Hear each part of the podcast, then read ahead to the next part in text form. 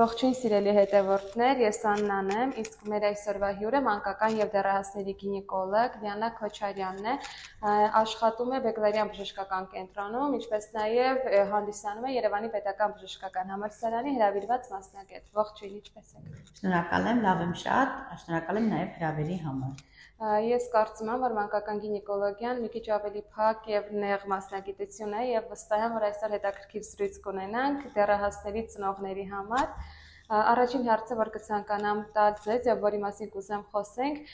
որոնք են հիմնական մանկական գինեկոլոգիայում հանդիպող հիվանդությունները եւ դրանց պատճառները։ Մանկական գինեկոլոգիան այժմյան բժշկագիտության մեջ արդի ամենա հետաքրքիր եւ այսպես առանձնահատուկ ճյուղերից մեկն է, քանի որ զբաղվում է օրիորդների աշնակների առողջությամբ 0-ից 18 տարեկան բոլոր կան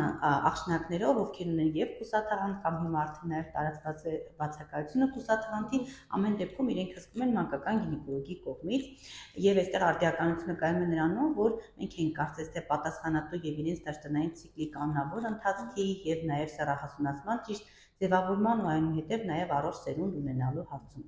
Առհասարակ մանկական գինեկոլոգիան ինքը տարբերվում է նրանով, որ մենք աշխատում ենք եւ օրիորդի եւ իրենց հարազատների,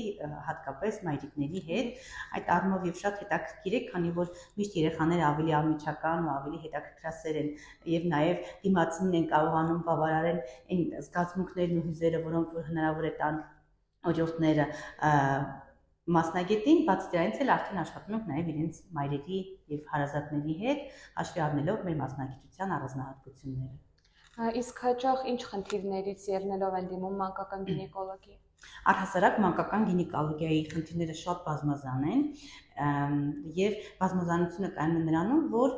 հիվանդությունների առումով բազմապրոֆիլ են։ Օրինակ, որ դեպքում են առհասարակ դիմում, դրանցից ամենատարածվածներից մեկը հեշտոցից արտադրությունն է, որը կարող է լինել բաց լորձադեղնական աչավունից մինչև շագանակագույն, դաշնագույն, ալկարմիր, այսպես հաճախակի կրկնվող ժամանակ առ ժամանակ առաջացող, այդպես քորձ, դիսկոմֆորտ, մռմռոտ հասկացողություններ արտաքին սեռական օրգանների շրջանում, հետանցքի շրջանում, երբեմն կարող է նաև որ բուքային process-ը առաջ բերի օրիորդի կամ դեռահասի մոտ միայն փորացավերի տեսքով ընթանա, որովայնի եւ կոդկատեղի ցավերով եւ այսպես բացառելով այլ կաբինետներում այցերը նոր իրենք հասնում են մանկական գինեկոլոգի։ Այդ առումով ինքը շատ հետաքրքիր եւ այսպես ասած խիստ այսպես առնչվող մյուս մասնագիտությունների հետ մասնագիտություն է համարվում։ Նորմայում դեռահասների օրիորդների մոտ հեշտոցից արտադրություն լինում է, թե պետք է բացակայի եւ որ դեպքում պետք է հասկանան ծնողները, որ երեխային պետք է բերեն մանկական գինեկոլոգի։ Ամենահետաքրքիր հարցերից մեկը տվեցիք, շնորհակալ եմ Աննա ջան։ Առհասարակ, այո, օրիորդի մոտ հնարավոր է լինի արտադրություն, որը որ քիչ խոնավություն ապահովի, քորտիս կոմֆորտ մռմռոզ չուղեկցվի եւ բաց դրանից էլ նաեւ կարեւոր է հոտ կա թե չկա։ Մնացած բոլոր պարագայում արդեն եթե ունենք այսպիսի գանգատներ, պարզապես պետք է դիմել ժամանակին բժիշկի, որպեսզի հետագայում չվերածվի քրոնիկական դեպքերի եւ այնուհետեւ այդ քրոնիկականը բնականաբար ավելի դժվար է բուժում, քան սուր կամ ենթասուր դեպքերը։ Իսկ ծնողների կողմից հատկապես մայրիկների ինչ որ կոմպլեքսներ կամ խնդիրներ մանկական գինեկոլոգի դիմելիս հանդիպել եք դուք հատկապես Հայաստանում։ Այո, Հայաստանում երբ որ նոր էի տեղավորվում աշխատանքի դեռևս 10-15-12 տարի առաջ, այդ ժամանակ եթե հանկարծ նույն բաժնում հանդիպում էին երկու հարևաններ, նրանցից յուրաքանչյուրը հարկ էր համարում մոտենալ ու ասել, որ խնդրում եմ կասեք, որ իմ համար եմ եկել, ոչ թե իմ օրիորդին կամ աշնակից եմ վերել։ Հիմա այդ տենդենսը կոտրվել է, որի համար շատ ուրախ եմ Հիմա մարդիկ ավելի, այսպես ասեմ, անվախ են դարձել եւ շրջապատի կարծիքը որպես այդպեսին ավելի քիչ են հաշվի առնում եւ բաց դրանից էլ առաջին գանգատի դեպքում անմիջապես դիմում են բժիշկի հատկապես մեծ քաղաքների մասին է խոսքը երբեմն ունենք դեպքեր որ բարձիթողի վիճակում են դիմում մանկական գինեկոլոգի օրինակ կարող է 6 տարեկան օրիորդի մոտ բարբերաբար լիներ հեշտոցից արտադրություն որը ուղեկցվեր քորով դիսկոմֆորտով բայց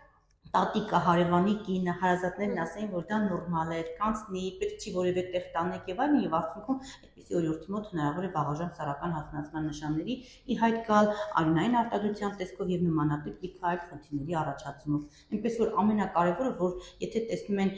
գանգատ որը որ իրանց համար արտասովոր է կամ ինչ որ նոր բան որին որ իրենք տեղյակցեն այդ պարագայում ճիշտ ժամանակին դիմել մասնագետի հետագայում լիքը խնդիրներից խուսափելու համար առանց որևէ վերապահումների կարևոր է երեխայի առողջությունն է։ այստեղ։ Իսկ ծնողների հետ երեխայի արդեն առողջության հետ կապված զրույց բնականաբար ունենում եք։ Հետաքրքիր է ինչ եք խորհուրդ տալիս արդեն երեխայի հիգիենայի եւ խնամքի տեսանկյունից Ճիշտ է, པարս հարց է, բայց կուզեմ խոսենք այդ մասին։ Ամենահաճախ նորից տրվող հարցերից մեկն է առհասարակ կարևորը որ մշտապես պարտադիր ամեն օր լվացվեն հոսող ջրով, հիգիենիկ միջոցներ մաքսիմալ աշխատեն քիչ օգտագործեն շաբաթվա մեջ երկու անգամ օճառ օգտագործեն կամ հնարավոր է նաև բացառեն օճառի օգտագործումը։ Երբեմն շատ հաճախ կամ ակրասեր մայրերի սինդրոմ հասկացողությունը, երբ երեխաները ամեն օր օճառով են տեղ ենքան են տրորվում, ինչեւ որ բերում է տարաբնույթ ախտաբանական միկրոֆլորայի առաջացումը։ Այս պարագայում ամենակարևորն է. Հագնել մաքուր բամբակից ներքնաշորեր, հաճախակի արտադիր ամեն օր լվացվեն եւ չօգտագործեն որևէ հիգիենայի ինձի միջոցներ ես գիտեմ այդ մասին, ուղղակի ուզում եմ շեշտենք մի քանի անգամ, որ հիգիենիկ միջոցները հենց միկրոֆլորան խախտում են, այսինքն նորմայական պաշտպանիչ միկրոբներ, բակտերիաներ իրենց սպանում ենք մենք ու նպաստում արդեն ավելի բարդ խնդիրների։ Շնորհակալ եմ շատ։ Ուզում եմ մի շատ կարևոր եւ առանցքային հարցի մասին խոսենք, ինչպես խոսել երեխայի հետ դաշտանային ցիկլի մասին եւ որ տարիքից, այսինքն առհասարակ սեռահասունացման տարիքի երեխայի հետ ինչպես խոսել այդ մասին։ Էլի ամենաակտուալ ու հետաքրքիր հարցերից տվեցիք, Աննա ջան, շատ ճիշտ ու գրագետ հարցեր եք տալիս, առհասարակ այն բոլոր հարցերը, որոնք որ կուզենամ մի հաղորդման շրջանակում այսպես բարձրաձայնվեն, որտեղ շատ բարականերում ծնողները ուղղակի անտեղյակ լինելով կարծում են, որ այսպիսի մասնագիտություն չկա առասարակ այնպես տարաբնույթ տարբեր պրոֆիլի մասնագետների մոտ լինելուց հետո նոր այնուհետև հասնում են մանկական գինեկոլոգիայում առհասարակ դաշտանային ցիկլը ըստ իս առաջին դաշտանը մենախեն հա, հանդիսանում է այն նույն կարևորագույն этаպներից մեկը կյանքում ինչպես է որ կենսաբանական ծնունդն է դրա համար երբ որ ես օրիորդ եմ տեսնում 10, 11, 12 տարեկան, որ նոր այսպես սկսում են կրծքագեղձերը զարգանալ, անօթափուսերում եւ ցայրքում ազակալում, այս բարակայում բոլոր մայրերին հորդորում են, որ պարտադիր խոսեն իրենց երեխաների հետ, մանրակրկիտ ներկայացնեն, թե ինչով են իրենք տարբերվում տղաներից, որ իրենք օժտված ընտրյալներ են, այսպես ասած, քանի որ իրենք են միայն ունակ հետագայում նաեւ մայր լինելու համար եւ նշում են պարտադիր, որ երբ որ կլինի առաջին դաշտանը, պարտադիր դա վերացեք տոնի, նշեք սիրուն նվերով, տորցիկով այդ ամեն ինչ միջով, որպեսզի իրանց համար հետաքրքիր լինի։ Աշխարհի բժշկագիտությունը այժմյան ցույց է տվել, որ շատ ախտաբանական վիճակներ կապված են այն բանի հետ, որ երեխայի մոտ ամեն ինչը թերի է, գիտակցումն է թերի ճիշտ ձևով բացատրված չի, շատ բաներին ինքը տեղյակ չի եւ այս պարզ բանալ մոտեցումների բացակայության պարագայում ունենում ենք շատ խնդիրներ, այդ թվում նաեւ դաշտանային ցիկլի ձգձգվածություն այո որը որ այժմ արտահայտվում է արգանդային անոմալ արյունահոսությունների տեսքով մենորյանների մեծամասնության հիմքում ընկած է հենց հոգեբանական ֆակտորը որ իրենք ամաչում են շրջապատից չեն կարողանում զրուցել մայրիկի կամ մեծ քույրիկի հետ եւ իրենց հարցերի լիքը բացեր մնում է այդպես օդում կախված այնպես որ առհասարակ նաեւ կուզենամ հորդորել որ ծնողները մաքսիմալ կարողանան լեզու գտնեն կոպիտ ասած իրենց երեխաների հետ եւ լինեն ընկերուհի քանի որ իրենք շրջապատ շրջապատից մեկ է այսօրվա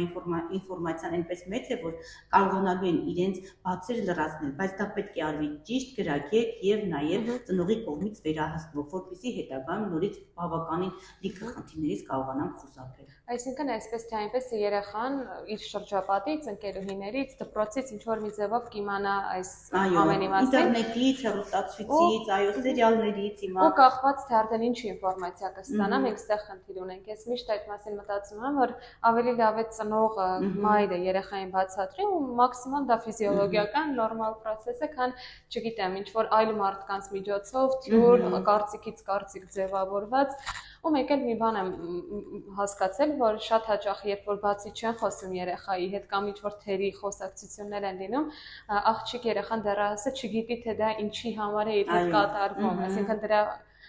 կարելի ասել արդյունքը կամ նպատակը որն է։ Դրա համար փոքր տարիքից պետք է սկսել 4-5-6 տարեկանում հեքիաթի տեսքով, որ իրենք օրիորդներ են, պրինցեսաներ են մեր կյանքում, որ այսպես յուրահատուկ անձնավորություններ են, որ կամած կամած կրսկագեղձերը սկսել են պնդուկի չափ դառնալ, այսպես այնպիսի լեզվով, որ իրենց խիստ մաչի լինի եւ իրենք էլ իրենց օրգանիզմը կարողանան ճիշտ ձևով ճանաչեն։ Քանի որ այս թեմայի շուրջ խոսեցինք, կուզենամ նաեւ մանկական օնանիզմի մասին մի քիչ զրուցենք։ Դա ձեռնաշարժություն է, այսպես ասած, ընդունված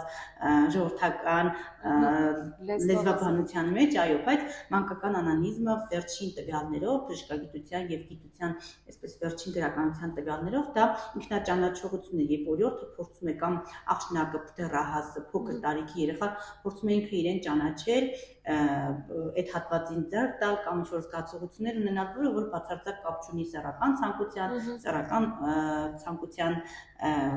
հաճույքի ու մնացած ամեն ինչի հետ, այլ իրենք ինքնաճանաչում են իրենց օրգանիզմը։ Այս պարագայում էլ, եթե մայրը նկատում է պետք չի բարկանալ, այդպես ջղայնանալ, երբեմն խփել, գոռալ, այլ պետք է հանգիստ բացատրել, այո, եւ խոսել, որ ամեն դեպքում դա արտաքին սեռական օրգաններն են կառուցվածքն է այսպեսին է մենք կրծքագեղձեր ունենք որոնք ժամանակի ընթացքում փոփոխության ենթարկվելու հայ, հայտնվելու են նաև մազակալում եւ ցայլքի եւ անօթափոսելի շրջանում այսպես այստեղ նաև հաջորդ թեման որ կուզենամ շատ անդրադառնալ կուզենամ ուրեմն անցանկալի մազերից մի փոքր խոսենք իրար հետ այսպես ստացվեց որ մի թեման մսի շարունակություն բաներա ուրեմն առհասարակ ատիպիկ տեղակայման մազակալումը որոնց որ մեջ մտնում են դեմքի շրջանում կրծքագեղձերում, որովայնի առաջային գծում, ցայլքի ու նաև ոտքերի հատվածում, այստեղ կարևոր է որ դեռահասին ճիշտ ձևով նախապատրաստել, թե ինչպիսի մազահեռացման մեթոդներն են ավելի արդյունավետ եւ անվտանգ, որոնք որ կյանքին վտանգ չեն սպառնա հետագայում առողջության համար որևէ խնդիր չեն առաջացնի, այո, հիգիենիկ առումով կարևոր է նաև եթե երեխան կոմպլեքսավորվում է, հաճախ դիմում են ինձ, միական բանը դա է լինում, որ երեխան կոմպլեքսներ ունի, ոնց իրականացնենք մազահեռ հեռացումը պետք չի սпасել ինչ որ որոշակի տարիքին կամ 18 լրանա կամ 28 նոր մազահեռացման զբաղվենք, այլ հենց այդ տարիքում կարելի անցնել այնպիսի մեթոդ, որը որ արդյունավետ լինի եւ դրանով ինքը իրեն գեղեցիկ զգա եւ համարի, որովհետեւ դերահասության շրջանում հաճախ է լինում, երբ մարմնի պրոպորցիան չի գոհացնում երեխային, այստեղ նաև գումարվում են անցանկալի մազերը, որոնք որ եւս անդրադառնում են օրիորդի արտաքին տեսքի վրա։ Այսինքն բոլոր դեպքերում պետք է երեխայի հետ խոսել, աղջիկ երեխայի ու հատկապես դեռահասության տարիքում, անցումային տարիքում պետք է տեղյակ լինի աղջիկը, որ իր մարմնի հետ, օրգանիզմի հետ որոշակի փոփոխություններ են կատարվելու, այսինքն բացի դաշտանային ցիկլի մասին տեղյակ լինելուց, նաև օրգանիզմի մարմնի արտաքին փոփոխությունների պետք է տեղյակ լինի։ Հենց այստեղից է գալիս, որ որոշ դեպքերում ամեն օրգանիզմ իր առանձնահատկությունը ունի։ Աղջիկների մոտ դեռասների մոտ առաջանում է կոմպլեքս, որոշները փորձում են նիհարել, որոշները անցանկալի մազերի հետ խնդիր, այսինքն ամեն մեկի մոտ դա որևէ կոմպլեքսի հանգեցնում է։ Ու ամեն դեպքում ես չասեմ վստահ եմ, բայց կարծում եմ, որ շատերի մոտ հետագա կյանքի ընթացքի վրա է նույնպես անդրադառնում։ Ինչ որ երկար տարիներ փորձում են կոմպլեքսից ազատվել, ուղղակի պետք է խոսել։ Ահա Շատ-շատ շնորհակալ եմ։ Կա ինչ-որ այլ կարևոր առանցքային թեմա, որի մասին կուզեք խոսել։ Կուզենամ որոշակել դաշտանային ցիկլի մասին խոսել, առհասարակ դաշտանա դա երկու դաշտանային բարբերաշրջանը երկու դաշտանների, երկու իրար իրար հաջորդող դաշտանների առաջին օրերի միջև ընկած ժամանակահատվածն է։ Մենակ հենց սկսվում է այժմյան իրականության մեջ 10 տարեկանից մինչև 15 տարեկանը, եթե օրիորդի մոտ կան երկրորդային սեռական հատկանիշներ 13-14 տարեկանում դեռ դաշտան չկա, այս պարագայում ամեն դեպքում ճիշտ կլինի որոշակի հետազոտություններ անցնել, որպեսզի հետագայում բացառենք մի շարք խնդիրների ներկայությունը կամ լինելու դեպքում դրանք կարգավորվեն հետագայում առողջ կին եւ օրիորդ այնուհետեւ կին լինելու համար այստեղ կուզենամ նաեւ խոսել միշտ դաշտանային արյունային արտադրության եւ բացի դրանից էլ կուզենամ խոսեմ նաեւ դաշտանի ուշացումների մասին ուզում եմ շեշտել որ առաջին երկու տարվա ընթացքում երբ որ դաշտանային ցիկլը գտնում է կարգավորման փոխում նորմալ է որ հնարավոր է դաշտանային ցիկլի հետ կապված ուշացումներ անկանոնություններ այս պարակայում ուղղակի պետք է սпасել պարտադիր պահել դաշտանային օրագրեր հետագայում դիք խնդիրներից խուսափելու համար այ դաշտանային օր օրագրերի մասին կուզեմ խոսել, դուք բնականաբար կարծում եմ խորհուրդ կտաք միանշանակ դաշտանային օրագրերը ձեր բժիշկների գործնել հատկապես հեշտացնում է, թեթևացնում է, որովհետև երբեմն լինում է, որ գալիս ասում են սեպտեմբերին եղել է, ու սկսում են դպրոց գնալու առաջին օրերն է դա եղել, թե վերջին հա։ օրերն է եղել։ Շատ դժվար է իրականում, դրա համար ամենակարևորը դաշտանային ցիկլին հետևելու համար օրիորդի կյանքում դա դաշտանային օրագրեր պահելն է Փարք Աստծո ժամանակաշրջան այնպեսին է հեռախոսների մեջ ծրագրեր կան բազմաթիվ։ Կարելի է բացի օրերից նաև բոլոր ամեն ինչը ցավեր, արտադրություններ նշել։ Այո, այո։ Այստեղ նաև կարևոր է, որ դաշտանային ցիկլը 7-ից ավելի օր չպետք է տևի։ Երբեմն պացիենտները 3-4 ամիս արյունահոսելով ցածր հեմոգլոբինով 50-60 միավոր պատկերացնում եք այդպես ցածր հեմոգլոբինի պարագայում դիմելուց ասում են, որ հարցրեցինք մեր ծանոթ բժիշկին կամ տեղամասին կամ այլն, ասել են առաջինը նորմալ է, որ այդպես լինի կամ ուշացել է դրա արդյունքում։ Ուզում եմ հորդորեմ, որ եթե տեսնում են 8 օրից ավել է տևում, պարտադիր նորմալ չէ դա։ Այո։ Մաքսիմում 7 օր է տևել։ Շնորհակալ եմ շատ։ Ես կարծում եմ բավականին ինֆորմատիվ զրույց ենք ունեցել։